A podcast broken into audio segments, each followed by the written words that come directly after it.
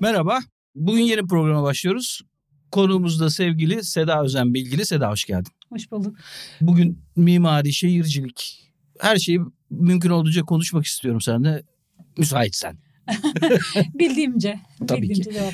Kısaca ben bir seninle ilgili bir şeyler söyleyeyim tanımayanlar için. Birçok mimari restorasyon projesi de çalışmışsın. Evet.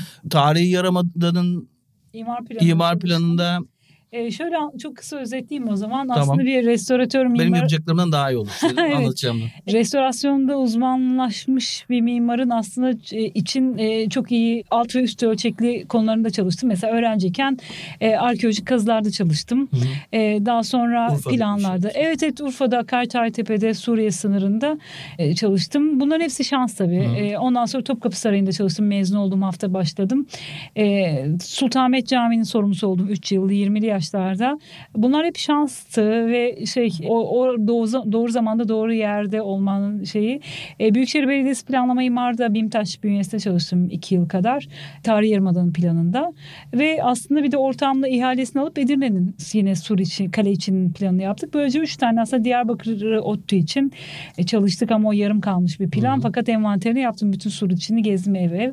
Tarih Yarımada ve Yeni derken şey. minareleri. Yani aslında Ayasofya'da var çalışma. e, Ayasofya türbelerini çizdim. Aslında hala da bir kitap çalışmamız var şimdi.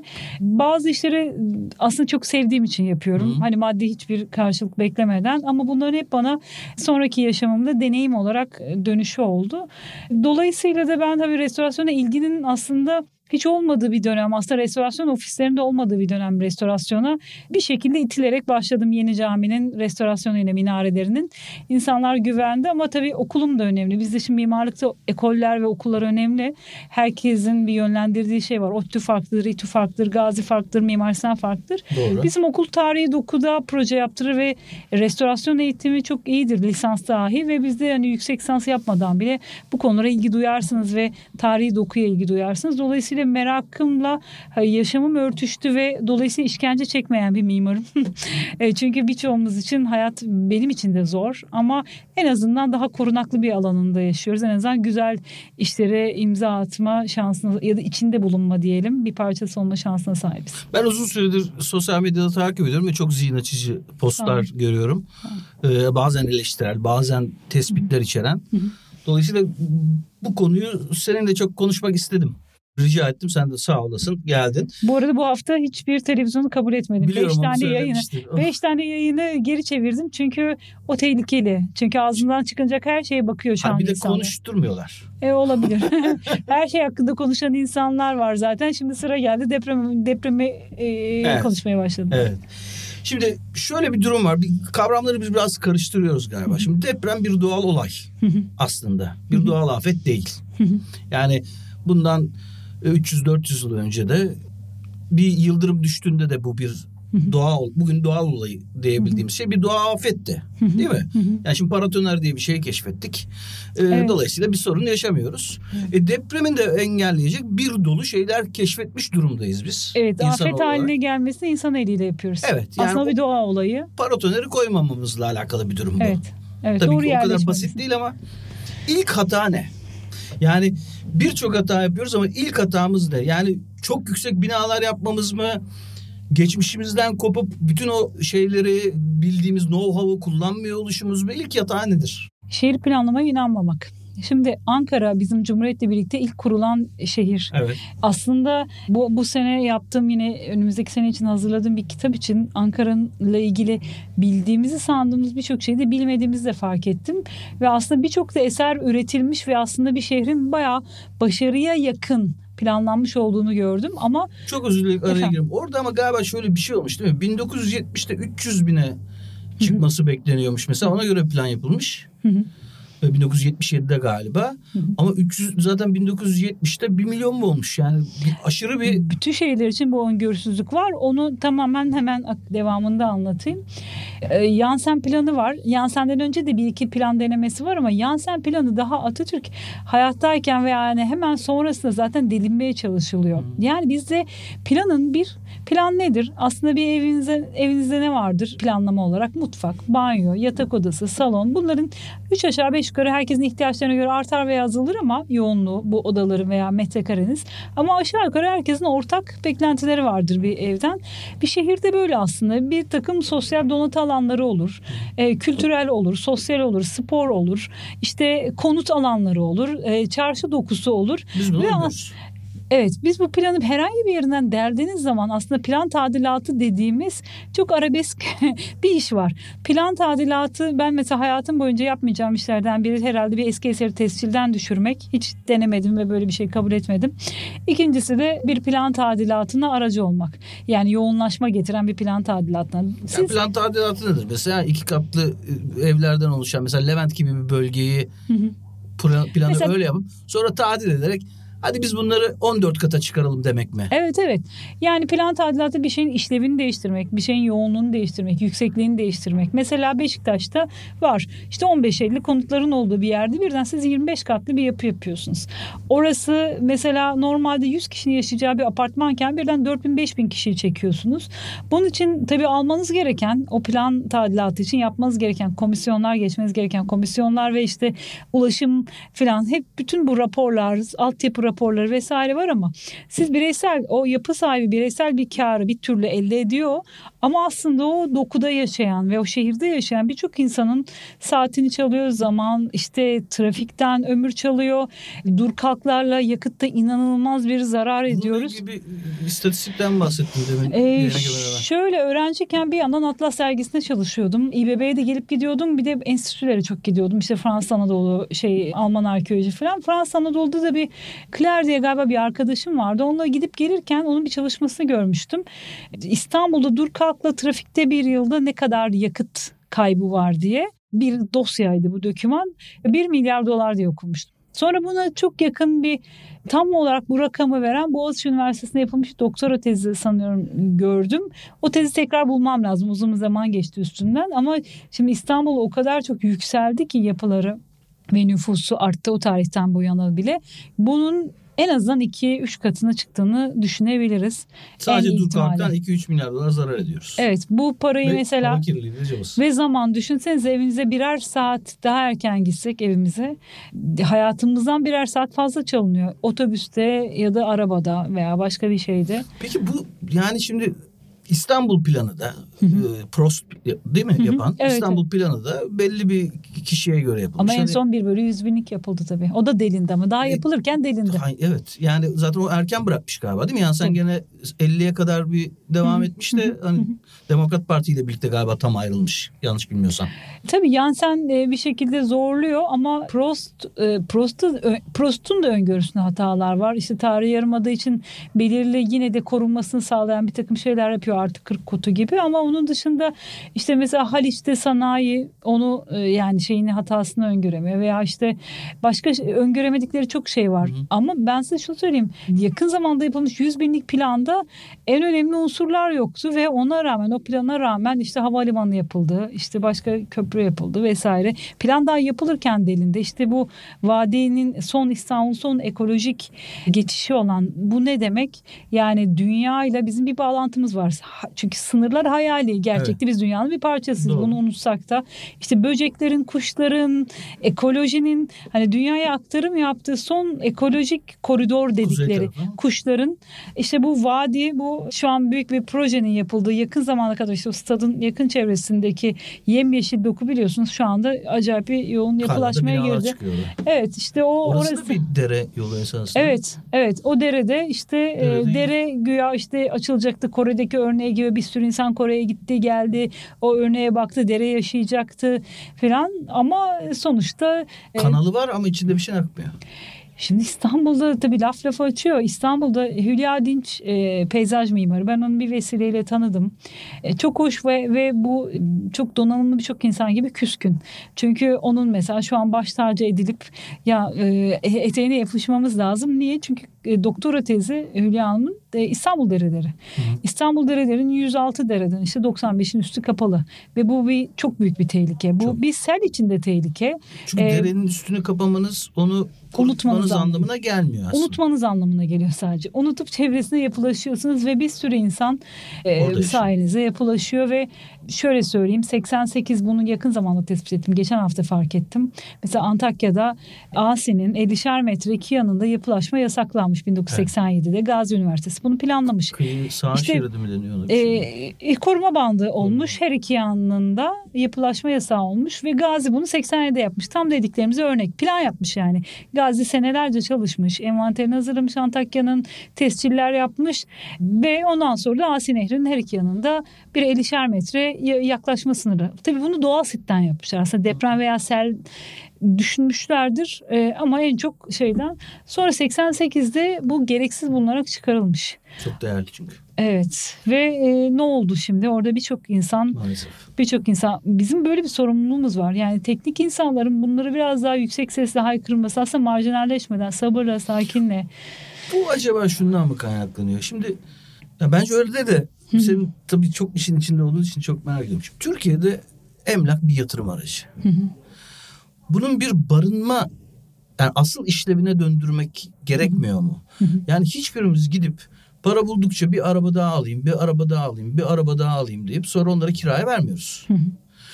Ama hepimiz para buldukça gidip ev almaya çalışıyoruz. Orada yapılmış onu alalım, onu satarız sonra da oradan alırız.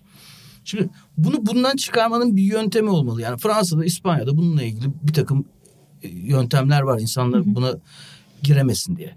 ee, ikinci evin olduğu zaman böyle bir vergi veriyorsun. Üçüncü evin olduğu zaman böyle bir vergi veriyorsun. Ev iki yıl boş kalırsa vergisi iyice artıyor. Yani bir yatırım al gene on tane ev al. Yani almak istiyorsan al. Ama bir kârı yok. Hatta sana zararı var. Evet. Bunu bu hale getirmeden çözmemiz mümkün mü? Çünkü ben biliyorum sen benden çok daha biliyorsun. Türkiye'de bin tane, iki bin tane evi olan insanlar var ve bunlar şirketleşmiyorlardı. Onlar duruyor orada. Onları kiraya veriyorlar ya da vermiyorlar. Gösteriyorlar ya da göstermiyorlar. Elden kiraya alıyorlar ya da almıyorlar. Vergisi vergisi hiçbir şey yok. O ev belli bir sayıda eve sahip olunca da speküle edip fiyatlarını yükseltebiliyorsun. Şimdi bir buçuk ODTÜ'den bir hocanın e, yazdıklarını okudum. Ne kadar yanlış da, yanlış da söylemek istemiyorum. Şimdi ismini vermeyeyim yanlış söylersem üstüne kalır. Bir buçuk milyon civarında boş ev var daire daire var. Birim yani. Bir daire var deniyor. E şimdi bu biraz emlak fiyatlarında speküle et, etmek değil mi? Yani şimdi İstanbul'un merkezinde bir ev kiralamaya kalksan 50 bin liradan başlıyor artık. Hı. E şimdi bundan çıkarmak lazım değil mi önce yani bu rant rant deniyor içi boş bir kelime o rant. Hı hı. Ama yani bunun dışına çıkaracak bir yasal düzenleme gerekmez mi? Çünkü biz hepimiz burada çalışan arkadaşlarımız İstanbul'da ya da Ankara'da ya da İzmir merkezinde oturamayacaklar. Tabii. Yani bütün korkunç sonuçları var bunun gibi geliyor bana yanlış mı düşünüyorum? Ee, evet bir yakınımın da mesela Amerika'da başına geldi. İkinci evini e, işte broker'dan almıştı çünkü daha sabit bir faiz alması için. Ondan sonra emlak vergisini broker'da ödemedi. Ondan sonra çat mühürlendi daire ve hatta daire birebir e, hiç para kazanmadan vermek zorunda evet. kaldı. Geri verdi çünkü artık hiçbir e, esprisi yoktu ve çok ciddi vergileri vardı ve ikinci dairesi şey oldu. Ve zaten orada de, bizdeki gibi gerçekten ikinci konutlarda bütün dünyada böyle bir şey var. Onun dışında onlar sosyal bir takım konutlar da yapıyorlar. Bütün Avrupa ülkelerinde Viyana e, vesaire hepsinde Amsterdam'da şurada burada görüyoruz. Çok zengin mahallelerde e, zengin e, insanların varlıklı insanların evlerinden hiç farksız bir şekilde e, sosyal e, yapılar var ve böylece dokuların da sağlıklaştırılması hedeflenmiş. Bizde zaten toplum birbirinden şu an kopmuş durumda. Özel okullar, özel hastaneler, özel derken bir toplum birbiriyle hiç kaynaşmadan sosyal zaten tümüyle sosyal olarak ayrı. Oysa bir de sitelere tıkıldık.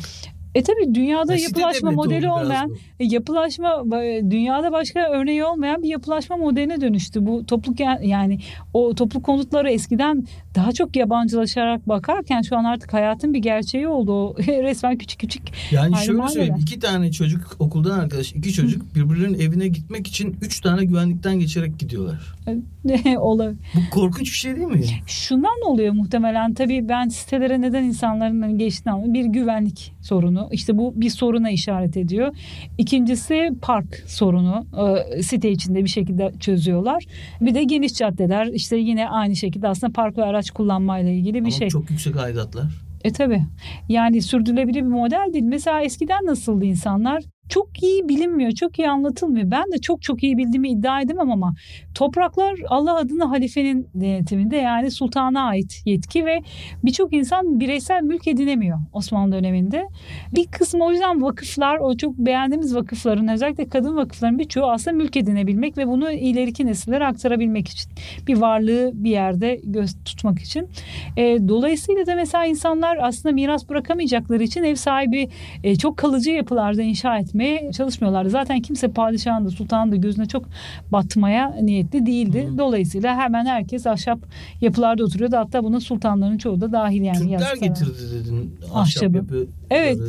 E şimdi Sibirya'da ya da işte e, Orta Asya'da Uygurların evlerine baktığınızda ya da işte birçok şu an Sibirya civarında o Rus topraklarında bugün Rusya'nın topraklarında kalan e, eski Türklere ait birçok yapıya baktığınızda zaten bu çantı dediğimiz küçük ahşap evler ve ondan sonrasında daha ince strüktürler Türklerin zaten Anadolu'ya bir yandan da getirdiği taşıdığı bir yapılaşma. E, çadırdan hep çadırlarda oturduğumuzu düşünürüz ama şu an yeni çalışmalar çok yeni çalışmalar. Geçen sene falan yayınlanmış makaleler.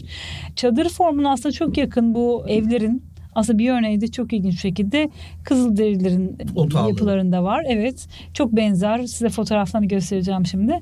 Ee, ha gördüm kalaslı değil mi? Şimdi? Evet evet evet. Ondan sonra aynı şekilde Çadır tepeden açık. mantığıyla evet. ahşap yapılmış. Ahşap bu ara formu, gö- göç formu çadır. Sonra tekrar e, aynı şekilde yuvaya dönüştürüyor ve Safranbolu'da bile halen ayakta olan bazı yörük köyleri çünkü konar geçerler de son birkaç yüzyılda aslında e, yerleşiyor ve işte dönem dönem yerleşmişiz ve e, bir kısmında e, yapılarda o e, eliptik tavanlarda tekne tavanlar dediğimiz ahşap evlerde falan hep o çadır çadırı atıf atfı görüyoruz. E, bu arada deprem olduğunda sultanlar bile hani sarayların bahçesinde çadır kurdurabiliyor hmm. veya ahşap köşkler inşa ettirebiliyorlar küçük küçük. E, şunu diyeceğim ama insanlar kendileri için ev yaptırıyordu. Yani ev bir ticaret barınmak. unsuru değildi. Evet barınmak için. Büyük veya küçük. Rum, Ermeni veya Türk ustalara yani bunu kimse bir evi kimi yaptığını iddia edemez. Çünkü çok ilginçti. Biz bileşkeyiz. Yani Çatalhöyük'te kerpiç vardı.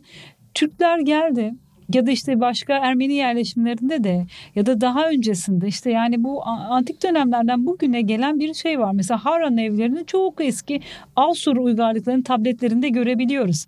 Ya da işte Çorum'daki bir yerleşimi Hititlerin kaya resimleri ya da Hititlerin günümüze ulaşan tahmin restorasyonlarını görüyoruz. Aslında biz de ya da Likya uygarlığının izlerini Antalya'daki o yaylalardaki ahşap evlerde Likya uygarlığının izini görüyoruz. Biz çok çok fazla zengin bir mimar yani mirasa sahibiz. çok şey var esasında. Çok Hey, fazla yani. birikim var. Bence dünyada mesela eğer Afrika mimarları işte e, Fransa'nın, İngiltere'nin evlerini poster yapmak isteseniz 10, 12 belki da 6 e, tipte şey yapabilirsiniz gösterebilirsiniz ama bizde bunun bir külliyatı var. Ee, yani Doğu Karadeniz'de bile 4-5 ayrı tip var. Sadece Doğu Karadeniz'de.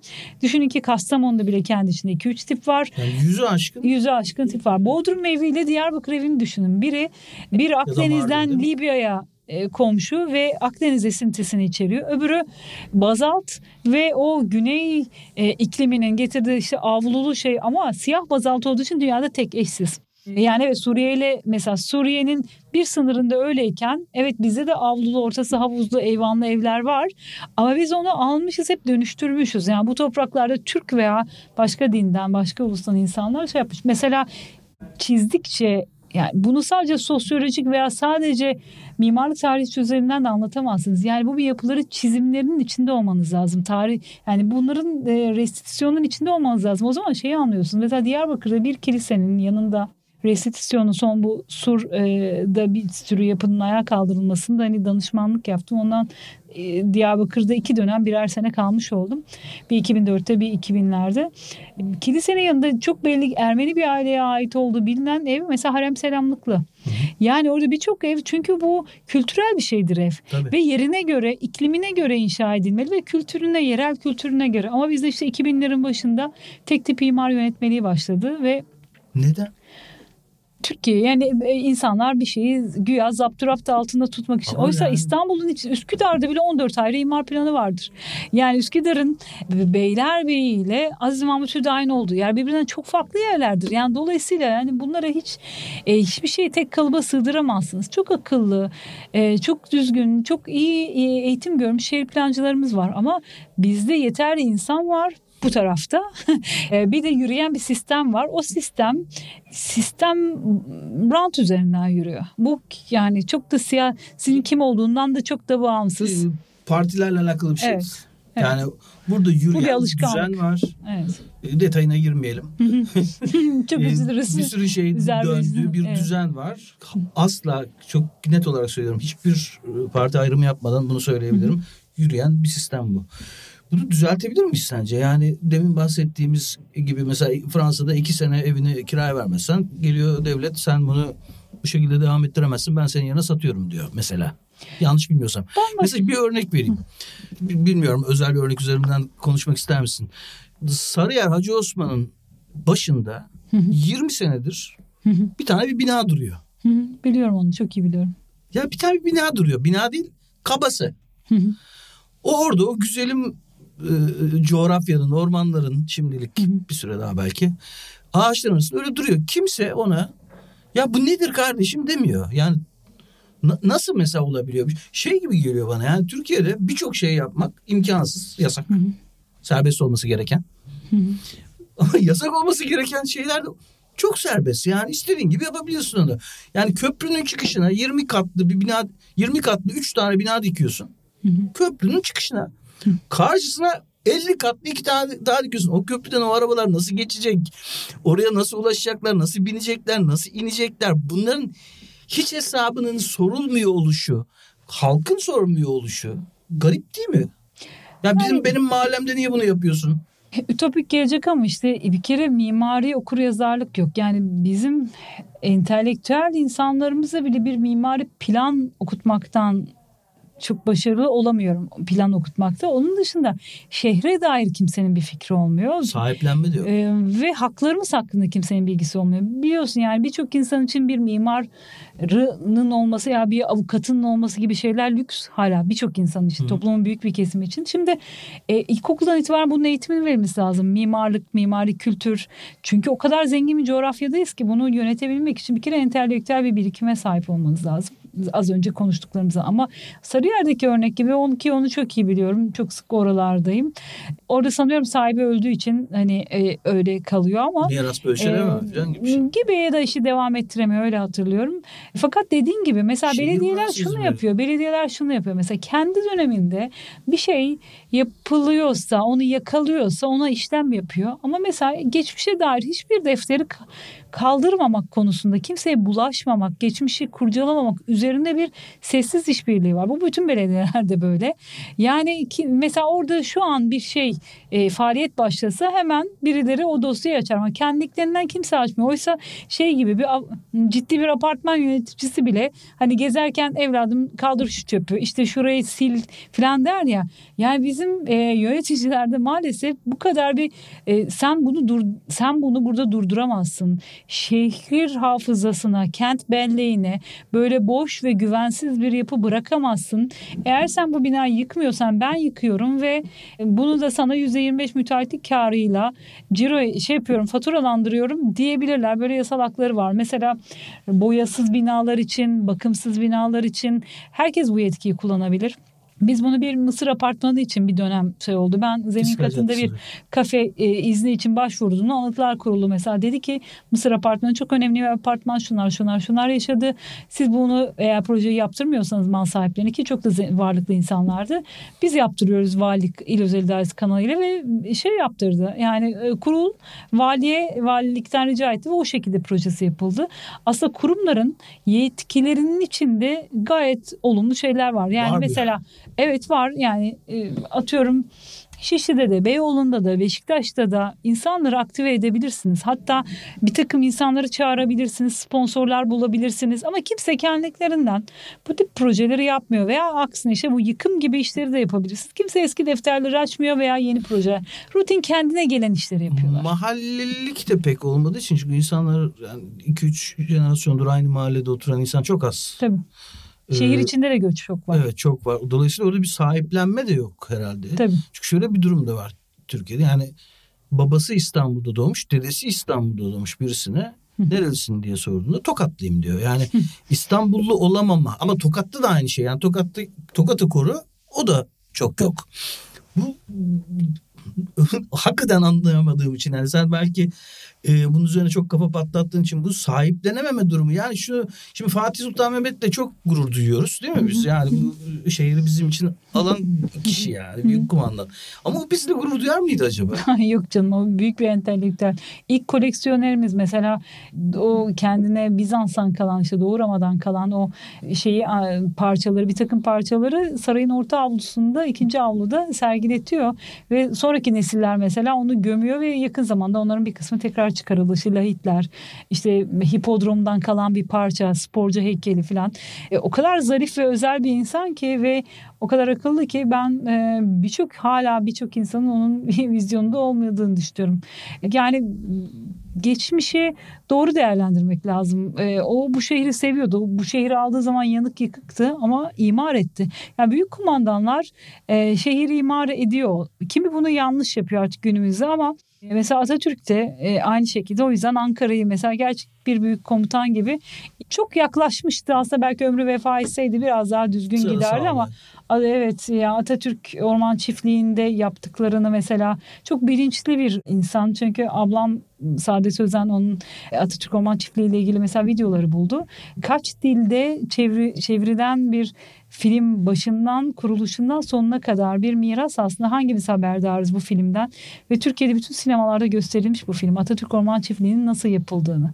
Ve Ankara ile ilgili de birçok kayıt var o dönem. E, şehrin nasıl imar edildiğini aslında anlatıyor. Baktığınızda bir sürü kayıt, not, e, hatırat var.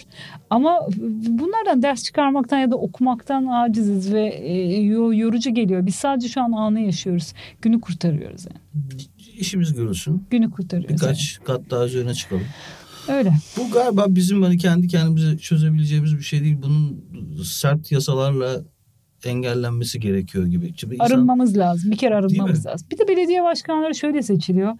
Yani e, bir hemşericilik var İstanbul'da. Mesela belirli ilçelerde şuralı olursanız şuradan seçilebiliyorsunuz. Çünkü orada onun atıyorum 8 bin oyu var sadece şu ilçenin. Onun da bir rant karşılığı var. Evet. E şimdi ben e, mesela Osmanlı'da ne vardı? E, kent mimarlığı sistemi vardı. Yani Düşünsenize Topkapı Sarayı'nda eğitim alan mimarlar, e, has, hasta mimarlar ocağında düşün geometri eğitimi alıyor, müzik eğitimi alıyor, işte ahşap eğitimi alıyor, sanat eğitimi alıyor ve böyle donanımlı insanlar baş mimar denetiminde Sinan'sa Sinan, Davut Ağa ise Davut Ağa kent mimarlık sistemi var. İşte atıyorum Kuşadası'nda var, Antep'te var, şurada var, burada var. Bu şehirler tesadüfen de güzel değildi. Bir sürü kentte kent mimarlığı vardı. Şimdi şehirde ne eksik biliyor musunuz? Şehirde mimar yok. Yani Şimdi bir bakın hangi belediyenin ya da hangi bakan yani şehirde bana e, eskiden bir her şehrin bir mimarı vardı. Hı hı. İstanbul'da belki birden fazla zaten baş mimar da buradaydı. Mesela mimar sen kendine verilen yetkiyle kötü yapı yapanların e, meslekten menini e, sağlayabiliyordu bir anda kendine verilen yetkiyle. Şimdi bana böyle karizmatik bir mimar söyleyin. Şehirde dediğini dinleyebildiğimiz karşılığı yok bugün. Böyle bir yetki mümkün değil. Yetki zaten. Ve şu an mesela bazen sembolik olarak çok nadiren bir mimar oluyor ama onlar da sadece diploması mimar. Yani gerçekten mimarlığı yapmamış ya da mimarlık ve şehir planlama ve başka hani dünya e, görmüş ya da tecrübe edinmiş ya da gerçekten bu işin zorluğunu görmüş veya sistemin hatalarını görmüş bir mimar olmuyor bu mimarda. Yani işte zaten hiç o mesleği yapmamış, yapamamış ya da başka türlü yapmış insanlar da oluyor. Belediye başkanları mimar olsun dediğinde işte şu da mimardı diyorlar. O zaman tabii tuhaf e, bir sessizlik oluyor. Yani Ama- belediye başkanları en azından o şehirli olsun bence. Yani. Yani son bilmiyorum kaç e, belediye başkanı sadece Sayın Recep Erdoğan galiba Tayyip Erdoğan Çok... İstanbul doğumlu galiba. Hiçbirisi İstanbul doğumlu değil ki. Ee, İstanbul Belediye Başkanı. Belki Cumhurbaşkanı da değildir. Ona tam emin Yok, olamadım. Şey. Öyle mi? Doğru. Ama şöyle bir şey doğum da değil. Yani mesela ilçe ilçe belediye başkanlarının hemen hiçbiri kendi ilçelerinde oturmuyor zaten. Tabii. Yani e, bu da çok ciddi bir sorun. Ya bir de mesela partilerin listeleri oluyor. Bilmem kimlerin adamları oluyor. Bazen bazı işlere çok üzülüyorum. Yani mesela diyorum ki ya şuradan dere yatağı geçiyor. Ben biliyorum buranın sağı solu yıkılacak. Yani şuradan geçiyor, buradan geçiyor çok doğru bir yere geldin. O kadar geniş bir konu ki kusura bakmayın. Yani çok dağıtıyor olabilirim. Ben de. Yok sen istediğin gibi senin istediğin gibi dağıtabilirsin. Şimdi kentsel dönüşüm diye bir şey var ve bunun üzerinden de bir kavga dönüyor. Sen izin verdin ben izin vermedim vesaire vesaire onlara girmeyeceğim. Şimdi ben kent, gireceğim ama ona. lütfen. Kentsel dönüşüm denen şey yani oradaki binayı yıkıp onun iki kat fazlasını daha güvenli olduğunu iddia ettiğimiz şekilde yapmak mı demek? Yani şimdi ikimizin de çok yakın olan Ihlamur Dere'de mesela yeni binalar yapılıyor. Aslında yani, sonunda yapılıyor. İmar yasağı varmış. Benim kesinlikle öyle bir binası üst, olan. Evet. Üstüne yapılıyor. Derenin ben biliyorum Ilamur Dere'yi. Sonunda yapılıyor. Pazara doğru olan tarafta yapılıyor evet, ama diğer yanında. yerde ama diğer e, o maalesef derenin olduğu yerde bir de imar yokmuş. Yani şeye doğru, çarşıya doğru olan tarafta imar, imar zaten yokmuş. olamaz ki. Şimdi kentsel dönüşüm böyle bir şey midir? Yoksa kentsel dönüşüm şimdi biz mesela şuradan Kuştepe'ye gitsek falan eski ortaçağ planlaması gibi daracık daracık sokaklar. Tabii. Oradan arabalarla geçmeye çalışılıyor. Hı Falan gibi bir durum. Yoksa kentsel dönüşüm bunu daha yayarak, parklar açarak, yolları genişleterek yani bütün planı değiştirmek midir? Yani binayı bence bu bina dönüşümü bu kentsel dönüşüm falan değil. Binayı yık iki kat yükseğini yap. Bravo. Güzel bir yerdesin. Çünkü şöyle Viyana'ya inerken ağlamaklı oldum sinirlendim çünkü yemyeşil bir şehir. Oysa ben Viyana'yı hani daha soğuk gri ya tarihi eserler de olsa yoğun hani bizim belki Beyoğlu'nun kentsel city gibi hani öyle yoğun ve e, karmaşık bir e, dokuda bekliyordum. Yemyeşil ve avlular. Şimdi biz bunu kentsel dönüşümle elde edebilirdik. Şöyle düşünün. Aslında bunu hep yazmak istiyorum sonra üşeniyorum. Şimdi doğru dürüst bir zemin etüdü yaptırdığınız zaman mesela bir binadan örnek vereyim ve ada bazında çalışma yarak neyi kaybettiğimizi anlatmaya çalışayım. Şimdi bir adada yapı adası dediğimiz hani bir e, suyun ortasındaki bir ada gibi e, kenarı sokaklarla caddelerle çevrili yapılara biz yapı adası diyoruz. Yani bir yapı adasında bazen 30 kadar 20 kadar 10 kadar bina olabilir. Şimdi bu yapı adasını bir tek birlikte ele alsak bir yapı adasına en azından ada ada. Şeylerin Amerikalıların blok dediği şey. Evet evet. Hı. Yapı adalarını hani böyle bitişik bitişik bitişik o binaları bir arada ele alsak. Mesela altlarında otoparkları olan çeşitli şekilde tabii ki depreme karşı yani dilatasyonları şunları bunlar yapılmış ama Şöyle düşünün bir zemin etüdü yaptırıyorsunuz bir bina için. Zemin etüdü aracı oraya geliyor. Eğer gerçekten yapıyorsa bir işte bir gün birden fazla gün geliyor. İşte sismik araştırması ya, yapıyor. Eğer gerçekten yapıyorsa Kız... deyince zaten benim tüylerim diken diken oldu. Yapılmıyor da olabilir diyorsun yani. Hmm, yani bundan iki yıl önce e, Beyoğlu'nda işte iş takibi yapan bir genç arkadaş var. Dedi ki abla ben işte şu ilçede e, bütün takımı dedi mimari, statik, elektrik 5 bin lira yapıyorlar dedi. Yani ama iki sene önce bile 5 bin lira yani çok şeydi. Şimdi olsun statik. 20 bin lira. Ben dedim ki yani ben zemin etüdünü sadece bu paranın iki katına yaptım. Ki mesela bu sene yaptırdığın zemin etütlerinde inanılmaz. Çünkü gerçekten ciddi bir yerde yaptırdığın zaman e, şey e, inanmadığı için artık inançlarını yitirdiği için belediye yetkilisi geldi 6 saat başında durdu zemin etüdünün. Normal. Yani normal. ilk defa gördüm ama bakın 22 yıllık mimarım ilk defa zemin etüdünün başında duran bir memur gördüm bir şeyde. Boğaz'da yapılan bir işte. Düşünün ki hayali kopya zemin etütleri zaten odanın incelemesinden çıkarıldı birçok proje ve etüt.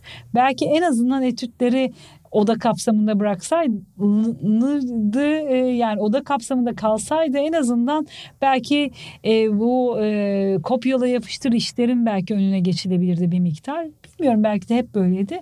En korkunç şey tabii 99 öncesi yalılarda dahi zemin etütü yapılmıyordu. Yani bunu söyleyeyim. Suyun üzerine yapılan şeyler bunlar yani neredeyse. E, Arnavutköy'de bir e, yalının mimarıydım üç kere zemin etüdü yaptırdık emin olamayıp. Yani hem o dönem yine kıymetli bir zemin e, inceleyen onaylayan bir e, han, hanım vardı. E, şuradan da alın buradan da alın buradan da alın. Hani ve hatta firmaları da değiştirerek daha da profesyonel olarak daha da iyisini arayarak. Ondan sonra o zaman çok daha gencim. E, zemin etüdünü yaptık ve sağlam zemin 36 metrede. Kayayı bulmanız lazım Ondan sonra ben bir de dedim ki komşular nasıl yaptırmış? Komşulardan hali hazırda yeni inşaat yapmış olanlar işte 90 98'lerde falan o zaman yapmış olanlara baktım. Benim çünkü söylediğim konu 2000'lerin başı. O 98'de falan yapmış, yapılmış olan yılda zemin yoktu. Yani oysa e, biz bunu eskiden biliyorduk. Dolmabahçe Sarayı dediğimiz yer dolgunun üzerine e, saray kurduk. Kazık ahşap kazıklar. Ahşap kazıkların üzerine düşünün ki Kılıçdaroğlu Paşa gibi. Ahşap kazık üzerinde bina mı yapılır diyenler olabilir. Çamurların içine iyice gömülüyor değil mi? Tabii tabii tabii. O da Ve dolayısıyla şimdi beton kazığın yaptığı şey o zaman ahşap hatta yapıyor. ahşap daha iyi diyorlar. Evet. Mesela Venedikler Hava almadığı için. Venedik, Bütün Venedik kazıklar üzerine çünkü. E, Venedikler der ki e, ahşap kazıklar suda binlerce yıl çamurda sonsuza kadar yaşar evet. diyor Bravo. yani. Evet. Aynı şeyi okumuştum. Evet evet ben yazmışımdır kesin orada kesin olabilir. evet. Olabilir senden okumuş Ondan olabilir. sonra yani koca koca camileri işte mesela Şemsi Paşa'yı birçok sahil kenarındaki yeni camiyi. Ve Yeni düşünsün- cami de kazıklar üzerine Evet değil mi? evet ve düşünün ki biz dalgıçlarla bunların gidip altlarını araştırmıyoruz. Yani Yani, bunlardan bilgi Meydanı aslında edinmiyoruz. bir çamur değil Evet, mi? evet, Eskiden altı dolgu Yahudi yani. yerleşiminin olduğu bir yer orası. Tabii tabii Ee, doğru. ve çok, çok ciddi çamur varmış. Ve çok uzun sürmüş galiba inşaat. Benim tahminim liman yani bildiğim kadarıyla da bu Mısır içerisinde kuru kahvecinin olduğu yer var ya Evet. dükkanının olduğu Hı hı. yer. Aşağı yukarı liman oradan çünkü yakın binalardan liman kalıntıları çıktı. Mısır çarşısı da e, E, işte aşağı yukarı o sınır. Orası. Mısır çarşısının e, tabii evet Mısır çarşısı dolgunun üstüne kalmış dolgunun oluyor. üstüne kalmış. Ama tabii bir takım e, dolgu dolgu dolgu en sonunda işte bu Menderes'in işte araba satılması için insanlar çünkü e, araba satılacak e, araba firmaları araba satacak ama Tamam, geniş yollar yok. yok. E, yani e, insanların böyle e, kolayca e, ve zevkli bir şekilde araba sürmeleri için çok güzel jilet gibi yani bayağı da zaten plansız jiletle çizilmiş yollar. Yıka yıka gibi. gitmişler. yıka yıka Zaten gitmişler. karşıda da e, Kabataş'ta da Ford fabrikası var galiba. E tabi tabi. Yani bayağı bildiğiniz e, Nusrettin'in orada e, alanında şey var Ford fabrikası var. Durduk kaldık değil mi? yani Şey var mesela Hamasi seviyoruz. Yani Sinan'la övünen veya artık hani onu demode bulan. Yani adam şunu yapmış mesela Osmanlı genel olarak bunu yapmış ama Sinan tabii o da bir büyük bir birikimin içine doğmuş ve bu birikimi de çok da deha bir şekilde devşirme yönetmiş. değil mi Sinan? E tabi kimileri Ermeni olduğunu söylese de daha çok araştıranlar yakın zamanda hani onunla ilgili ciddi araştırmalar yapanlar Kıbrıs'ta da akrabalarının olduğunu ve işte Rum kökenli olabileceğini de söylüyor. Ama, Ama, Türk olduğunu söyleyenler de var. E, Hatta bu konuda galiba araştırmalar yapılmış falan. olabilir şey şu aslında kimliği, e, kimliğinden bir Zaten öyle eğitim bir şey- ortamının Öyle bir şey içinde. yok zaten. Osmanlı Evet. entelektüeli yani. Evet o, o dönem zaman zaten hangi devlet kavramı da yok. Yani, yani, din değiştirdiğin anda iş değişiyor zaten. ama şunu gördüm Sokullu mesela. Sinan'ın vakfiyesinin içinde olduğu için o ev Sinan'ın olmasa da Sinan'ın evinin de öyle bir yerde öyle bir şekilde olduğunu algıladığınız doğum yerine gidiyorsunuz. Ee, Kayseri'de birdenbire unuttum Sinan'ın doğduğu yeri. Kayseri. Evet Sen Kayseri'de. Kıbrıs deyince benim de kalk- Hayır hayır, e, hayır. Kayseri'de tam ilçesini söylemem lazım. E, geçtik. Evinin altında yeraltı şehri var. Ve onun üzerinde bir yerüstü yapısı. Yerüstü yapısı yakın bir tarih. Sinan Evi diye gösterilen yer e, aslında yer üstündeki eser taş olmasına rağmen hani o sembolik bir ev. Yani hani o ev değil şu evse de zaten hepsi aynı kapıya çıkıyor. Altında devasa bir yeraltı şehri var ve e, o toprakların yer üstünde de farklı bir yapı. Aa diyorsun kubbe kavramı ya da bu karmaşık strüktürleri adam buradan. Yani Sinan'ı yaratan ortamı bir kere çocukluğunda imgeler, hayaller doğduğu ortam bir ona bakıyorsun. Ondan sonra eğitildiğini mesela hala birçok şey bulanık aslında bulabilirdik bence çok ciddi araştırsak. araştırılsa. E, dülgerlik yapıyor mesela dülger yani yapı ahşap yapı ustalığı var. Ondan sonra ilk ne yapıyor işte Van Gölü'nde işte üç tane e, yine bu gemi e, yapabiliyor. Ondan sonra aslında en önemlisi Sinan Sinan yapan hikayede bulup çıkarmamız, ders almamız gereken yer Prut Nehri üzerine 13 günde ahşap köprü yapıyor. Gene kazıklar. Düşünsenize evet. Ya onu yapıyor ve ordu onun üzerinden üstüne geçiyor. Yani inanılmaz bir şey. Sonra dedim ki ya bu, bu illa bir araştırmıştır herhalde bu kadar önemli bir bilgi. Yani Sinan Sinan mimarbaşı yapan olay bu ve Prut Nehri üzerinde neredeymiş acaba bu köprü dedim. Çok kolay bulacağım sandım aklım erince. Böyle bir araştırma yok. Yani inşallah ömrüm yeter bir sürü konu yapacak iş var. Ee, bunu araştırmak bir insanın hayatına... Macarlar da mı bakmamış? Valla kız kardeşimle eşim Macar. Ben onunla e, ara sıra Osmanlı ile ilgili Macar kaynaklarını ve başka Macar dostlar var. Türk kolok arkadaşlarımız var Macar Kültür Merkezi'nde. Onlarla konuşuyoruz ama aslında bir de evet Gergő'ye sorayım bir de. E, bu e, Boğdan seferinde... herhalde bilirdik biz de. E, yakın zamanda aslında şey buldular. Geçen sene sular çekilince yine Macaristan'da yine 1500'lere e, ama biraz daha bir 20 sene sonrası o Prut Nehri'nin üstüne diktiği köprüden biraz daha sonra ama yine ahşap kazıkları ortaya çıkardılar. Hmm. E, denize yani suyun altında kalan kısmına hiçbir şey olmamış. Suyun üstündeki yapı e, zamanla belki e, su dengesizliğinden dolayı çünkü suyla beslenmesi lazım bu kazıkların. E, suyla beslendiği sürece problem yok ama e, çok ciddi bir arkeolojik verisi çıktı. Onlar çok düzgün insanlar olduğu için kesin onu analiz ederler, araştırırlar, bir şeyler yaparlar. E, şey mesela Süleymaniye bu yapı inşa edilirken Sinan mesela geç inşa ettiği için azarlandığını kesin olarak biliyoruz. O bir efsane değil. E, hatta boynu kesilen işte Atik Sinan hatırlatılıyor. İşte o da e, daha çok taşerona e, iş veriyor taşçıları vesaire bir şekilde bitiriyor. Hmm, süre çünkü çok uzuyor. Neden uzuyor? E, güçlendiriyor. Çünkü, Seti güçlendiriyor. Çünkü altında bayağı bir e, yamaç var ve kaymasını engellemek için. Heyelan riski var. O, evet. engellemesi setler gerekiyor halinde. bir şekilde setler Yani halinde. ben çocuk halimde çocuk aklımda yani şimdiki Süleymaniye bir... Camii'nden kıyıya kadar setleme yapmış Sinan. Evet. Ve düşünün çocuk halimle ben 20'li yaşlarda işte Büyükşehir Belediyesi planlama imarda çalışırken e, işte 2002 falan e, şey yapmıştım. E, setlerin bazılarını algılayıp hani bunları tescil ettirmişim. Şimdi belki tescil bile ettirmiş yani olabilir. Yani. Durmasalar çünkü risk Ama var, kayma bu, riski var. Bunu araştırmak mesela tabii Mimar Sinan Araştırma Merkezi kurulsa ki en çok okuluma yakışır. Şey var işte o setlerin e, az buçuk bir kısmını ben 3-4 duvarı ya da gördüğüm parseli tescil ettirmiştim. Bugün dönüp bakmak bile istemiyorum belki. E, Çünkü orada bir sürü bina var. Evet bir sürü bina var.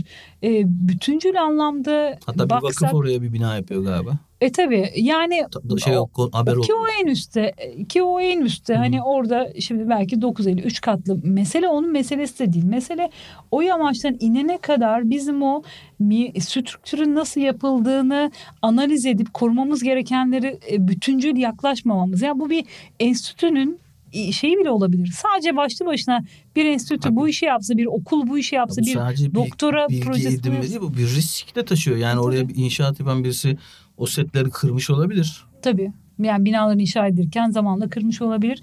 E tabi e nasıl e, muhafaza edeceğiz? Bir hatası var Sinan'ın. E, tek bir hatası ve bu dönem alışkan. Çünkü mimarlar kendilerini öne çıkaracak işler yapamazlar. Aslında hala mimar küçümsenen bir iş. E, hala mimarlık bir e, bakmayın Sinan'ın adının kocaman olduğunu. Hani o dönem bile protokolde çok e, geç e, onun yeri yani 10. 15. sırada falan yani ben çok e, tabii ön sırada değil. E, Vedat Tek bile mimar olurken babası ve annesi önemli insanlar Osmanlı dönemi için. Mimarlık çok küçümsenen bir meslek olduğu için bürokrat olduğu olması tercih ediliyor. Yani kalfalıkla falan hmm. karıştırılıyor. Şey e, Sinan o eserlerinin e, geçtiği ya arkadaşına yazdırdığı e, eser bile gizli olarak yazdırıyor. Çünkü mimarın kendi öne çıkarması bize hep ayıp karşılanıyor şunu yapmamışlar. Neyi niye yaptıklarını yazmamışlar. En hmm. en büyük eksiğimiz Böyle bu. efsaneler vardı. Yok kilit taşını çıkardılar içinden not çıktı falan. İşte bu efsanelerle besleniyor. Hayatı boyunca göremeyeceği, elini bile dokunduramayacağı ya da yüzünü bile göremeyeceği Mihrimah Sultan'la aşk öyküsü Ama yazıyorlar. Ama çok güzel. cami Benim güzel de. Yani bir şeyden sonrasını bilmiyorum. Elden geçtikten sonrası Hangisi? çok Edirne Kapı'nın Edirne Kapı'daki. Çok güzel. Olağanüstü bir cami. Düşünsene ben... Sinan Piyale Paşa'yı bambaşka yapmış. Mihrimah'ı başka yapmış. Süleymaniye'yi başka yapmış. Şemsi Paşa'yı başka yapmış. Kılıç Ali de tabii tabii tabii tabii. Yani o da e, Sinan. O da Ayasofya'nın bir küçük modeli galiba. Evet. Paşa yani, için İtalyan asıllı paşa e şey, için. tabii e, bizim cami, cuma, cem hepsi aynı kökten geliyor. En e, tek kubbenin altında olabildiğince direksiz yani taşıyıcıları az Onu olan soracağım. bir mekanda birbirini görmek insanlar birbirini Şunu görmek. soracağım. Elinde Mimar Sinan'ın elinde Hı-hı. Mimar Sinan bugün olsaydı ya bugünün teknolojisi elinde olsaydı. Bana öyle geliyor ki sanki böyle 300 metre çapında bir kubbe dikmek isterdi. Değil mi? Yani Bilmem. yani ne o teknolojinin ona e, verdiği en büyük imkanları. Çünkü hani kubbe oturtmak kolay bir şey değil değil mi? Belli bir metre şeyin üzerine. Yani size Şov yapardı. Yani bize yapmaz mıydı? Yani, Yani daha nasıl- güzelini nasıl 300 metre kubbe yapar mıydı bilmiyorum ama atıyorum. Attım onu. Ee, belki en güzel kabukları, kabuk sistemleri yapardı. Belki ağzımızı açık bırakacak tasarımları yapardı. Belki yepyeni bir malzeme e, uygulardı. Mesela Tadoando işte Japon mimar şey yapmıştır mesela onlara çok özeniyorum. Eğer cami mimarisine geldiysek cami dediğiniz ya da dini yapı dediğiniz aynı zamanda bir felsefenin üründür. Sadece bir şekil değildir. O yüzden Sinan da şekilsel yaklaşmazdı. Şimdi çok görkemli bir kubbeden iner iner iner iner insan ölçeğine iner ve kapıda sizi insan ölçeğinde karşılar. Hmm. Yani böyle bir katedralin dev ve ezici, Ezici şey ve yoktur. Yani bu bir felsefe. Yani çok görkemli bir kubbeyi yapar ama aynı zamanda Doğru. iner iner iner Güzel, insan ölçeğine iner. Şimdi orada da mesela Tadoğan'da mesela o kilisesinde e, ruhban sınıfını kaldırır kiliseden ve haç şeklinde bir pencere yapar ve oradan çok güzel bir ışık gelir. E, felsefesi işte ışık İsa'dan gelir Hmm. gibi bir şey tez ortaya koyar. Şimdi Mimar Sinan felsefesini kaybetmezdi. Yani her zaman yerine göre, Ama kişisine göre kullanırdı. Yani imkanları. kullanırdı, Biz şunu merak ediyorum. Biz niye onu kendini taklit biz etmezdi. niye taklit eseri- ediyoruz? Bir de Ataşehir'de mesela adamın yani yaptığı şahane camilerin bir bir tane şey. taklidini yap bir de üstüne Mimar Sinan Camii ismini koyduk. Yani bu bana biraz e, ayıp gibi geliyor bilmiyorum. Çıksalar bizi döverlerdi zaten. Yani düşünsenize Piyale Paşa'da bir de o şehircilik de yapıyordu. Yani Piyale Paşa'da işte önünden bir dere geçiyor. Bostan var. İşte o altı tane kubbeyi e, koyuyor ve yanına yani bir de topografyaya ve yerine uygun şeyler yapıyorlar ve ölçek yani ölçeği kaybetmiyor. Şimdi düşünsenize konutları ölçeğini yitirdiği için yani düşünün mahalle mescitlerinde cuma namazı kılınmazdı. Çünkü işte padişahın hutbesi de okunmazdı. Hı hı. Mescit namaz kılınan yer demektir. Mahalle aralarında sadece namaz kılma ihtiyacını gideren ibadet mekanları vardı. Hmm. Ama işte Araplarda hala mescit lafı kullanılır cami yerine. Camide ise toplanılırdı. Cuma günleri camiye gidilirdi. Normal zamanlarda mescide gidilirdi. Cumhuriyetin ilanına kadar. Çünkü Ee, aynı zamanda padişahın buyruğunu da Evet hutbenin dinlendiği yer. Minberin e, yani mescitlerde minber olmaz ve padişahın hutbesi okunmazdı. Bu zaten bir yandan da aslında elindeki kaynakları da doğru kullanıyor. Mahalle aralarında küçük küçük küçük e, mescitler ve ölçek. İşte konutlar zaten iki katlı. Mescitte ufak bir yapı ölçeğinde Yani- minaresi de ölçekli. mütevazi bir görkemden bahsediyoruz. Ama Evet. böyle bir aşırı bir gösterişten bahsetmiyoruz. Hayır, mahalle arasında bir ölçek var. İşte minareler 5 metrelik falan. Küçük küçük Ne ölçekli. düşünüyorsun bugün? Mesela Levent'te bir cami yapıldı, bitmek üzere. Üzülüyorum ben. Çamlıca. Camii. Çünkü Yani çünkü mesela topografyaya da çok uymuyor gibi. Yani şimdi ben e, tarihi yarımadaya baktığım zaman o kapı şeyden Topkapı Sarayı'ndan Ayasofya'dan Sultanahmet'ten arkadan işte Süleymaniye Beyazıt Camii kule falan orası böyle hakikaten bir ressam çizmiş gibi. Ama arkadan gerçi bir şey çıktı ama bir tane bina diktiler oraya. E şimdi yeni yaptıklarımıza bakıyorum ben topografyaya da uymuyor gibi. Çok mu abartıyorum?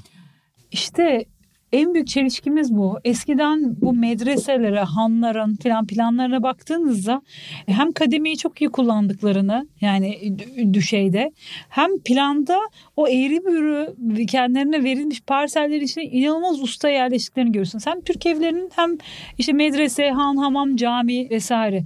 Bu beceriyi biz ne zaman kaybettik? İşte bu mimari sadece şekle indiren Değil mi? bir şey. Bir de Kabuğa bitiş nizamı bir yapılaşma modeli İşlevden olarak belirledi. E tabi. E, hem de camiler o mahalle arası mescitler artık hepsi cami oldu Cumhuriyet'le birlikte. Hmm.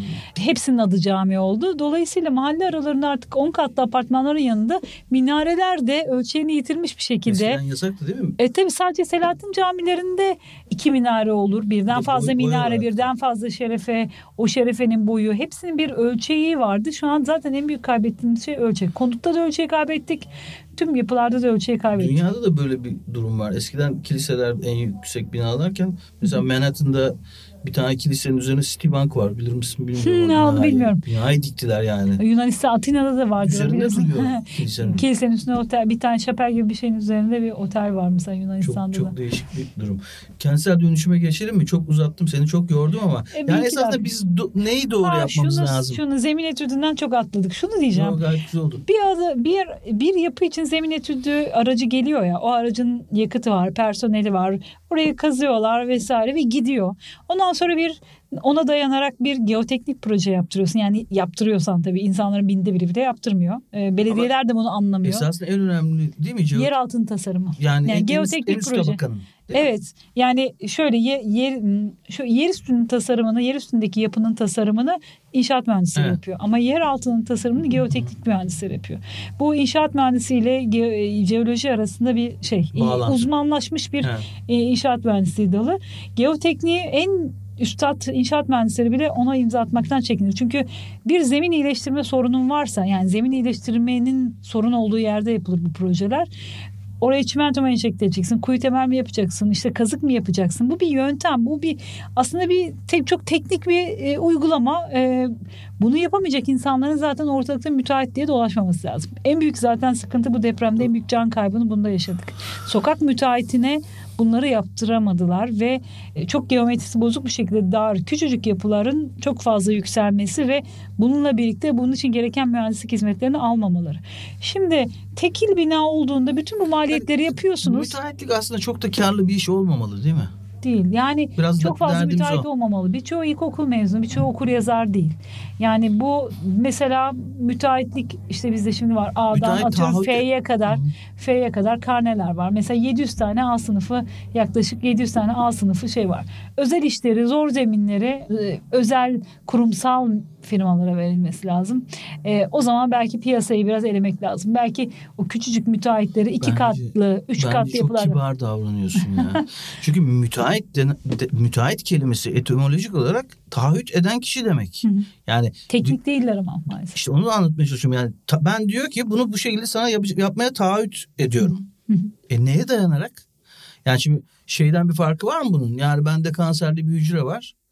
Gidiyorum bir adama. Doktor değil. Ben taahhüt ediyorum bunu tedavi edeceğim. Ne farkı var birbirine? Aslında bizim işimiz tıbba Biz- çok benziyor. Ben şunu Niye söyleyeyim. veriyoruz yani o ruhsatı onlara? Şimdi sorunlarımızdan biri şu. E, Mimarlık fakültelerinde ve mühendislik fakültelerinde ama mimarlıkta daha çok hayatlarında hiç bina inşa etmemiş hocalarımız var. Yani daha çok inşa etmek istemeyenler zaten hani e, bu ortamdan huzursuzluk duyan e, hocalarımız çok kıymetli Hmm. insanlar da var ama yani bir yerinde de ama inşa etmiş insanların da deneyimlerini aktarması gerekiyor. Çünkü orada bambaşka çok özel çok uçtuğunuz projeler yaparken geliyorsunuz burada bu yapıların yapılarla tanışıyorsunuz ve okulda yaptıklarınızdan tamamen bağımsız yepyeni bir işi hayatınızda tanıyorsunuz. Şimdi atölyeler yok, ahşap atölyesi yok, taş atölyesi yok, e, betonarme atölyesi yok. Yani siz etriği aslında sadece şekilsel olarak çizerken belki statik dersi alırsanız şanslıysanız bizim gibi e, o sizin için sadece bir nokta. Yani hani etriğin ne olduğunu gerçekte veya nasıl kaç dereceyle e, yapılması gerektiğini bilmiyorsunuz o kancaların. Şey e, Evet evet 135 derece olması yani gereken bir iki şey. tane şeyde Evet. birleştiği yerde değil mi? İki, e, şey e, donatıları e, bağladıkları aslında iki ama tane çeliğin birbirine Evet, 90 dereceyle bağlanması ile do- 135 135 derece arası böyle mi oluyor? Evet, Bu, evet. böyle bağlaman lazım. Evet çünkü 90 derece ayrılıyormuş depremde. Ama 90 derece yapılmış bir dolu binamız var. Şimdi mimar e, e, hiç uygulama yapmadan güya işte stajlarla doğru veya yanlış veya ofiste yaptığı, şantiyede de 15 gün yaptığı stajla yaptığı yapmadığı belki sadece çay getirip götürdüğü stajla mezun bir gün sonra imza atabiliyor. Evet ve Türkiye'nin bazı okullarda 4 tane mimar hocası var. Hiçbiri profesör de olmayan. Yapmasa mıydık acaba bu programı? Yani Benim e, beklediğimden de daha korkunç bir tablo var çünkü. Şimdi işçilerin eğitimi yok. Cumhuriyet'in ilk yıllarında usta mektebi kurulmuş. E, mimarların, hocalarının eğitimi yok. Belediyede çalışanların, kamuda çalışanların hiçbir şekilde uygulama deneyimi yok. Direkt e, mezun olmuş belediyeye girmiş. Kim neyi denetiyor? Yapı denetimler birçoğu üzgünüm ya bunu açıkta Twitter'da yazmıyorum. Şöyle sohbet ederken umuyorum fazla insan izlemez diye bizi üzülerek söylüyorum. Çok kişi izleyecek merak etme. Yani hayatta başka şeyleri yapamamış insanları mesela yapı denetimlerde imza atıyorlar. Yani e, şimdi bu kadar e, yapmayı bilmediğimiz bir işi yapıyoruz. Mesela şunu söyleyeyim size bir tıp fakültesinde bir tıp hocasının hiç ameliyat yapmayı bilmeden teorik olarak bunu anlatması mümkün mü? Ya bu düşünülebilir mi? Yani keşke biz tıpçıların yüzde biri kadar olabilsek. Yani çünkü mesela tıbba bakıyorsunuz dilleri var. Dünyayı takip ediyorlar. Bizi dünyayı kimse hiçbir hoca açıp ya Amerika'da bu ruhsat nasıl veriliyor? Hiçbiri demeyelim ya çok azı belki. Ya hiçbiri mi hakikaten? Ya, o zaman bir şey söyleyeceğim. Mimarlık eğitimine Ben yani inanmak istemediğim için böyle şeyler bir şey söylüyorum. söyleyeceğim. Mimarlık eğitiminin, mühendislik eğitiminin uluslararası dünya seviyesine gelmesi için bir şeyler yapılırdı. Uluslararası kongreler yapılırdı. Nerede bunlar? Yani hani e, o zaman bakılırdı İngiltere'de nasıl mimarlık eğitimi yapılıyor? Kim tekniker? 3 yıldan sonra ne oluyor? 5 yıldan sonra ne oluyor? 7 Neden 4 yıl eğitim veriyoruz ve hiçbirimizin diploması yurt dışında geçerli değil? Değil mi? Değil. Yani Yetkin mühendis olmak bir 10 yıllık bir iş esasında değil mi? e, mesela Yetkin bunu iki defa iki defa inşaat mühendisleri odası denedi e, yetkin mühendisi. Ben de o gün tesadüf mimarlar odasındaydım. Bir sürü insan tebrik etmek için fiziken veya telefonla geliyordu. Mimarlar odası mahcup bir şekilde ya biz buna dava açacağız diyordu. Çünkü şöyle e, bu çok tartışmış ve mühendisler odası bunu kendi getirmiş yetkin mühendislik şeyini. Bu, bunun sömürüye yol açacağını düşünerek Nasıl? belki insana yani bunun genç mimarları mühendislerin ücret almadan ya da çok düşük ücretlerle 5 yıl çalıştırılmasına getireceğini Onu, onu denetle. Yani e, şey yaparak dava açıldı ve sonuçta ivme hareketi hatta böyle birisi, birileri de geçen internette arayınca böyle görüyorsunuz yetkin mühendisi nasıl iptal ettirdik iki defa Danıştay'da bozulmuş ve sonuçta şunu diyorlar bu da doğru olabilir yani ben şey yorumsuz olarak söylüyorum işte yetkin mühendisi belirlemek odaların işi değildir bu akademik bir şeydir o zaman Okey. akademi belirlesin Evet. Ya birisi belirlesin ama şimdi bakın siz evinizi güçlendirmek istiyorsunuz. Bunu güçlendirecek insanı nasıl bulacaksınız? Evinizi boyatacak boyacıyı bile bulabileceğiniz bir sistem yok Türkiye'de. Yani boyacının bile sınıflandırması yok. Peki çok özür dilerim. Yani niye işimizi bu kadar zorlaştırıyoruz? Yani dün de bir sevgili profesörümüz adını hatırlayamayacağım.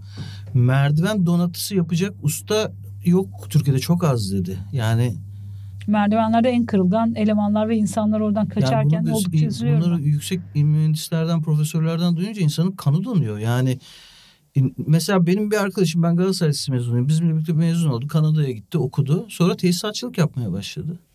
Şimdi bayağı zengin bir adam. Çünkü o tip işler pahalı işler. Pahalı yani işler. Amerika'da olması evinizi boyamaya boyatmaya kalkarsanız zordur. Kendiniz boyarsınız ya da döşemesini. Dolayısıyla biz bu işleri niye değerli işler haline getirmiyoruz da mesela her e, şehirde bir kamu yönetimi okulu açıyoruz da e, ya da çeşitli meslek Herkes masa başı iş istiyor çünkü. ama Şimdi- çok para kazanabilecekleri bir iş olursa bu istemezler mi? Evladım Yani- yani, duvar işçiliği çok yüksek e, gelirli bir iş. Sen ona gir. Yani bu çekici bir şey değil midir? Şimdi bizim mesela bir hocamız ta üniversitedeyken anlatmıştı. İşte Romanya'da mı, Bulgaristan'da mı demişti oradan gelen meslek lisesinde boyacılık eğitimi almış bir boyacım vardı derdi. Renk skalasını benden daha iyi biliyor derdi. Şimdi bizde bence Atatürk döneminde kurulan o usta mektepleri galiba yerini şeye bıraktı. Bu meslek liseleri var ya hani yapı meslek okulları filan. Evet. Fakat şimdi oradan mezun olan arkadaşlarımız hepsi dikey geçişte mimarlık bölümüne geçmek istiyorlar. İnşaat mühendisliği bölümüne. Kimse usta olmak istemiyor. Bizim gerçekten ustaya ihtiyacımız var. Yani e, Peki. insanlar diyor ki sonra sömürü. Hayır sömürü değil kardeşim ahşap ustası yok. Türkiye'de 10 tane dülger yok belki. Yani Ama şimdi 10 tane bel- belki para kazanamıyorlar. Ondan sömürünüyorlar. işte ayakta Onu- tutmuyorsun. Yani ayakta tutmuyorsun. Yetiştirmiyorsun. Zaten bizim en genç ustamız 55 yaşında. Ahşap atölyemiz var. Çocuğuna kendi çocuğuna şey yapmıyor. Yani en çocuğu yakın ihtimal iç mimar falan oluyor. Yani kimse bedensel olarak çalışmak istemiyor. Oysa Peki, e, beyaz yakalı bir mimardan çok peki daha fazla aldı- kazanıyor bir aldığımız gücü buna yönlendirsek bari. E, Olabilir. Ama işte ya bunu iyi niyetle çabalıyor ama sistemsel olması lazım. Yani mesela atıyorum restorasyonlarda da zaten bunun çok sıkıntımız var. 3 ay e, bir yerde e, taşçılık yapan ben- sonra ben şey yaptım diyor. Yani taşçı oldum deyip piyasaya çıkıyor. Sonra da gö- müteahhit oluyor. Sonra da görüyoruz restorasyonları. E şimdi mesela vakıflara bunu Pimapen- önermiştim. gördüm İyi ben. niyetle de şey yaptım. O dönemki müdürün süresi yetmedi. Dedim ki siz kendi ihalelerinizi para çok büyük bir güç. Dersiniz ki ben işçi bahçecileri sertifikasyona sokacağım, mimarları sertifikasyona sokacağım ve ben sert kendi sertifikama sahip kendim mes- e, üniversitem var vakıfları olarak. Fatih Sultan Mehmet Vakıf Üniversitem var. Sertifikanı ver ve sertifikalı insanlara, işçi. Bu aslında bütün Türkiye için geçerli. Yani betonarmede o kadar büyük bir zafiyetimiz Notlarımı var ki. taraftan. Dinliyorum seni. Ben öyle E tamam bir dinleyebilirim. geldik galiba. Hayır hayır yani konuşabiliriz sen yorulmadıysan. Çünkü bir sormak istediğim hızlı hızlı Tamam, sormak istediğim soralım. bazı şeyler var. Tamam. Yayılabilir miyiz Türkiye'ye? Yani hepimiz bahçeli evde otursak galiba bir şehir kadar yer tutuyormuş. Evet. Yanlış değilse hesap. Evet. Tabii bunun Çünkü İtalya'da, tarafı- Almanya'da bu işler böyle. Yani Hı hı. Almanya'da bir şehir bir kasabadan çıkıyorsunuz. Bayağı böyle 20 bin kişinin yaşadığı herkes tek katlı.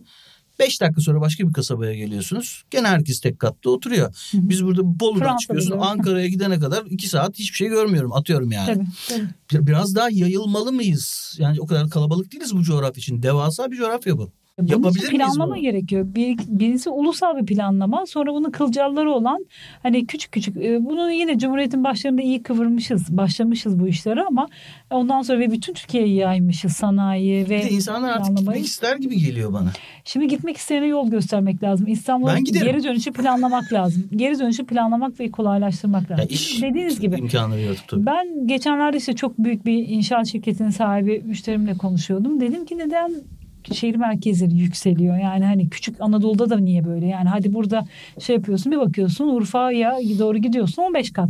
Kastamonu'ya gidiyorsun 15 kat. Birincisi tabii bir görgü meselesi. İnsanlar yüksek binayı bir çağdaşlık modeli olarak görüyor. Eskiden apartmanları gördükleri gibi şimdi yüksek Köy kaldık diyor değil mi herkes? Tabii ondan sonra yüksek yapı görün yani yapmayın deyince işte bize layık görmüyor musun diyorlar. Mesela Kastamonu'da bunu böyle bir cevap alıyorsunuz. Ondan sonra dedim neden yapmıyorlar sizce işte X Bey? Dedi ki işte belediyeler yatırım yapmak istemiyor. Yani yol ve altyapı gibi göze görünmeyen yatırımları yapmak istemiyorlar. Yani belediye fendir, belediye imardır. Hani belediyeler yemek yarışması, sosyal yardım işte bilmem. Yani aslında ya tabii onlar da yapsınlar ama yani şiir festivali tamam yap bunları da sen önce Şarkıcı getirdim. asli görevini yap. Yani önce planlama yap.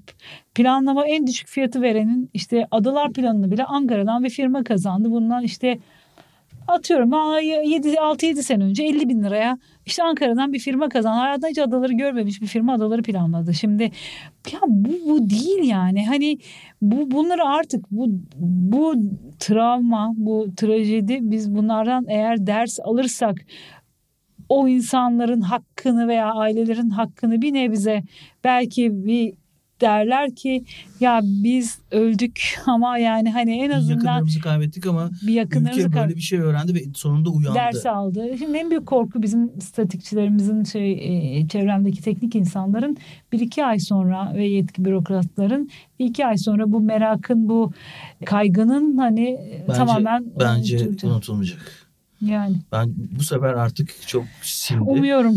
Ee, Yani bir derse dönüşmeli ama e, travmayı atlatmamız yol derse çalışmak. Yani bence ben olsam İstanbul'da önce dere yataklarını bunu e, tümüyle iki yanını boşaltırım. Önce oralara bakarım. Eski bostan alanlarına bakarım. Çünkü İstanbul Çayır için ben bağ bahçeydi. Ya şu Yani- Kağıthane Deresi'nin etrafının eski E neden hastane boşaltılıyor muhtemelen? Neden boşaltılıyor? Hastanenin yerine bile bakmanıza gerek yok. Belki ilçe olarak kağıthanede ama yani Ay bir de öyle güzel bir yer yani mesire alanı değil mi? E yani ok meydanı da böyle olabilirdi. Yani o bizim e, merkezimiz nefes alan e, oksijen alan bir yerimiz olabilirdi ok meydanı. Bu dönüşüm bir Park fırsat, fırsat olabilirdi. Bir de şöyle bir yaralayıcı bir taraf var. Kentsel dönüşüm diyoruz ama bir noktası daha var. Bunların büyük bir kısmı da yani bunlarla yüzleşmek lazım. Hmm, Hazine arazisine, vakıf arazilerine e, yerleşmiş insanlar var. Bina, binalar yapmışlar. Ve birçoğumuz hayatımız boyunca çalışsa, birçok orta halli insan, yeni mezun insan hayatı boyunca ev sahibi olamayacak. Çünkü artık bu yani eğer böyle sistem böyle devam ederse ve yapanların yanına kar kalırsa ama birçok insanda o dönüşümle ve yerinde dönüşümle olduğu yerde hani eskiden 20-25 yıl önce yapmış olduğu yanına kar kalıyor 30 sene 40 sene. Ne yapmalı? Bunun yani ikinci evi olandan e, şey aldığın gibi acaba bu dönüşümler için e, hazine arazisine işte devlet arazisine orman arazisine konmuş insanlar bunun bedelini ödememeli mi? Yani bu sisteme bir katkıları olmamalı mı? Yani bu, bunları hiç konuşmuyoruz. Belediyeler de bunları konuşmuyor. Yani konuşmadan e, bir şekilde konuşmadan anlaşmadan diyalog kurmadan ve topluma seslenmeden işler yapıyorlar.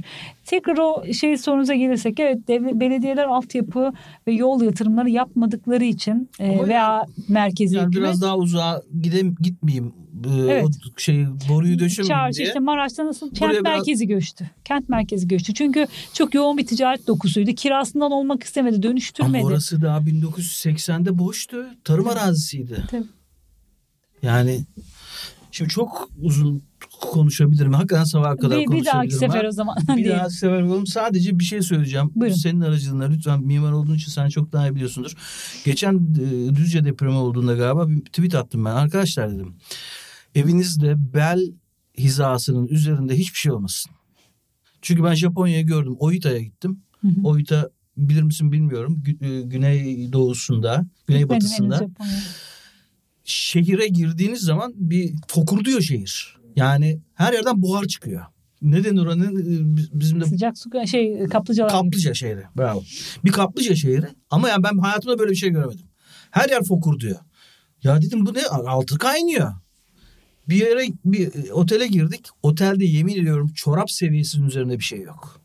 Yani değil bel seviyesi çorap seviyesi üzerinde. Her şey yerde.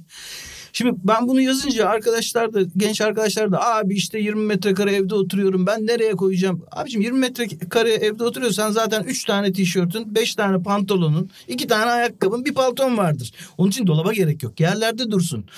Yanılıyor muyum ya? Bu çok çok çok önemli bir şey değil mi? Çünkü 90 ben 99 depreminde askerdim. Çok detayını anlatmıyorum ama ben biz çok fazla yatak odasında gardırop altında kalmış insan bina duruyor gardırop insanları sakatlamış ya da öldürmüş gördük bu işten e, vazgeçmemiz lazım. Gardırobu aslında çok iyi sabitleseniz belki O koruyucu bile haline gelebilir. tabii. Şimdi e, hatta bizdeki bizim kendi atölyemiz olup biz çok sabitlediğimiz için e, hatta daha çok gömme tarzı dolaplar O yaptığımız işe, için. işe Evet. yarıyor diyorsun. Evet. Tamam o zaman Ahşap bunu geri iyiyse. alıyorum. Ha, yok Okey. hayır şu var. Hayır hayır şu var. E, Mesela geleneksel kirişli e, kolonlu kirişli işlerde uygulamalarda kiriş biraz sarkar ve 30-40 santim eğer yer yatağında yatıyorsanız size bir boşlukta sağlar. Hı. Ya da kendinizi yere atabilirseniz diyeyim. E, mesela o Kobe depreminden sonra Japonya'yı tekrar inşa eden mimarlarla işte bölgeyi gezmiştik 8 gün boyunca Adapazarı depreminden sonra. Şey demişlerdi bana mesela yani tabii bizim kolonlarımız kirişlerimiz sizin çarpı iki katınız yani dört katınız aslında. Ama yani yine de e, kiriş bir yaşam boşluğu oluşturması için aynı dediğiniz gibi aslında yani yer yatağında yatsanız evinizden hiç emin değilseniz e, geleneksel yataklarınızı tercih etseniz en azından bir hava boşluğu kalır demişti. Şimdi insanlar bunu yapmayacaklar için hani evlerini sağlam yapsalar mimar olarak e, daha çok önermem gereken bir şey ama dediğiniz gibi dolap sabitlemesi ve tabii kiriş altlarında duran insanlar gördüm hala. Ya da işte merdivenler çok kırılgan olduğu halde merdivenlerde olanlar, asansörde olanlar yani bir sürü bir sürü şey gördük. Yani asansöre binip hani Allah'tan bir şekilde Yok, asansör kabini merdivenler, onları. Merdiven çok kırılgan zaten yapmayı bilmiyoruz. Merdivenin belki daha çok perde tasarlasak. Mesela o şey güçlendirme olayı Otül hocamızın yaptığı gün önce. Karbon. E, güçlendirme olayı sadece karbon değil aslında orada bir de perde yapıyor. Evet. Perdemiz aslında yani biz hani bu tasarımsal boyutunu Perde yönetmeyi- nedir onu söyle. Betonarme perde yani e, 1.6 1'e 7 gibi bir kenarın öbür kenara e, şey e, oranı diyelim. Hı hı. Mesela minimum kenarı 25 veya 30 santimse öbür yönü 1.80. Yani ciddi bir şekilde kolonlar mesela 30-60 gibi olabilirken Hı hı. bunlar 30'a 180 gibi Hı. boyutlarda Ya, oluyor. taşıyıcı bir sistem.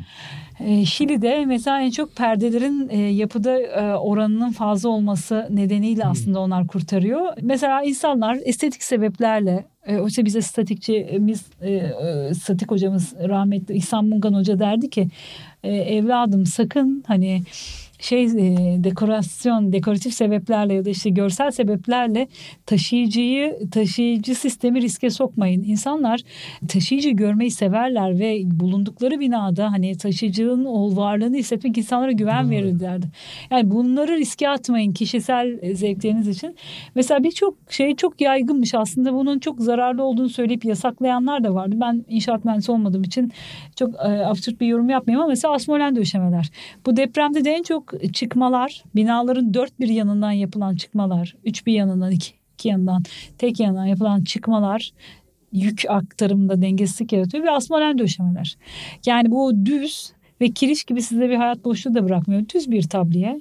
Ondan sonra Asmolen ve... bir, bir zararlı oldu bir ortaya evet. çıktı. Evet ve bu biliniyordu ama yönetmekleri tekrar ısrarla, zevkle, isteyerek asmolen yaptığınız zaman mesela o zaman sistemde bir şey bozduğunuz zaman o zaman daha çok perde yapmanız lazım. Yani şimdi e, şöyle bir şey.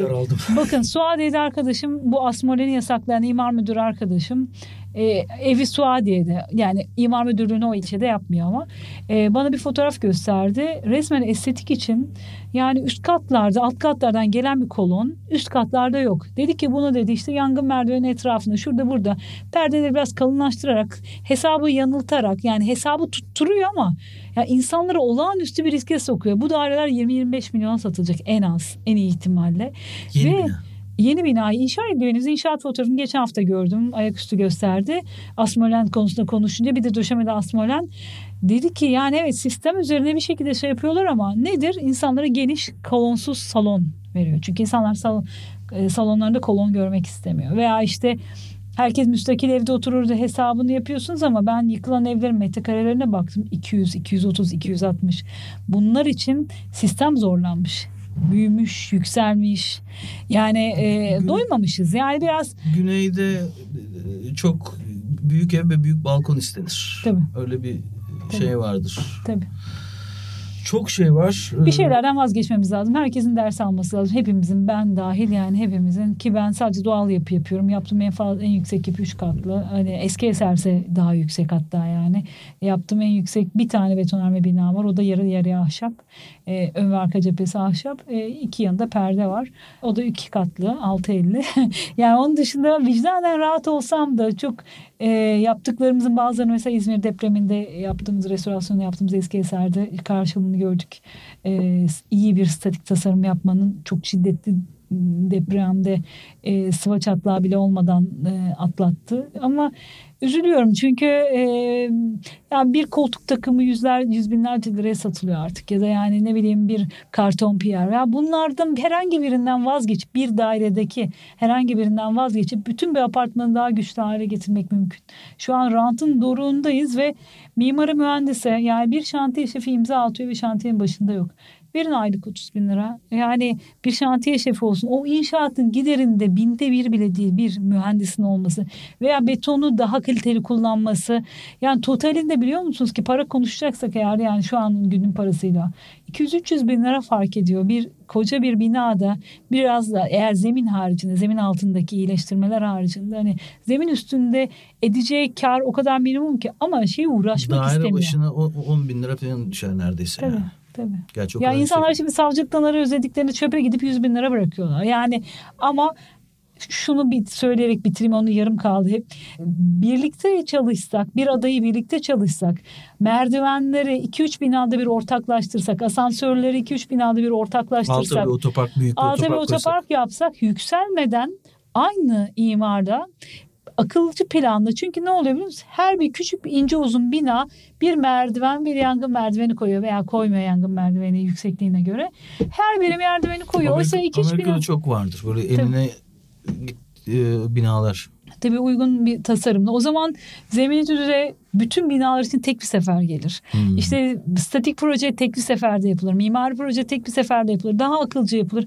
Biraz daha uzun sürer ama 20 binanın ayrı ayrı yapmasındansa tek seferde yapılması ve tek seferde inşaat yani bu mobilizasyonun azaltılması, genel giderlerin azaltılmasıyla e, müteahhit karları da e, ama optimize edilir ve adı bazında revizyonlar bizim tek ilacımız.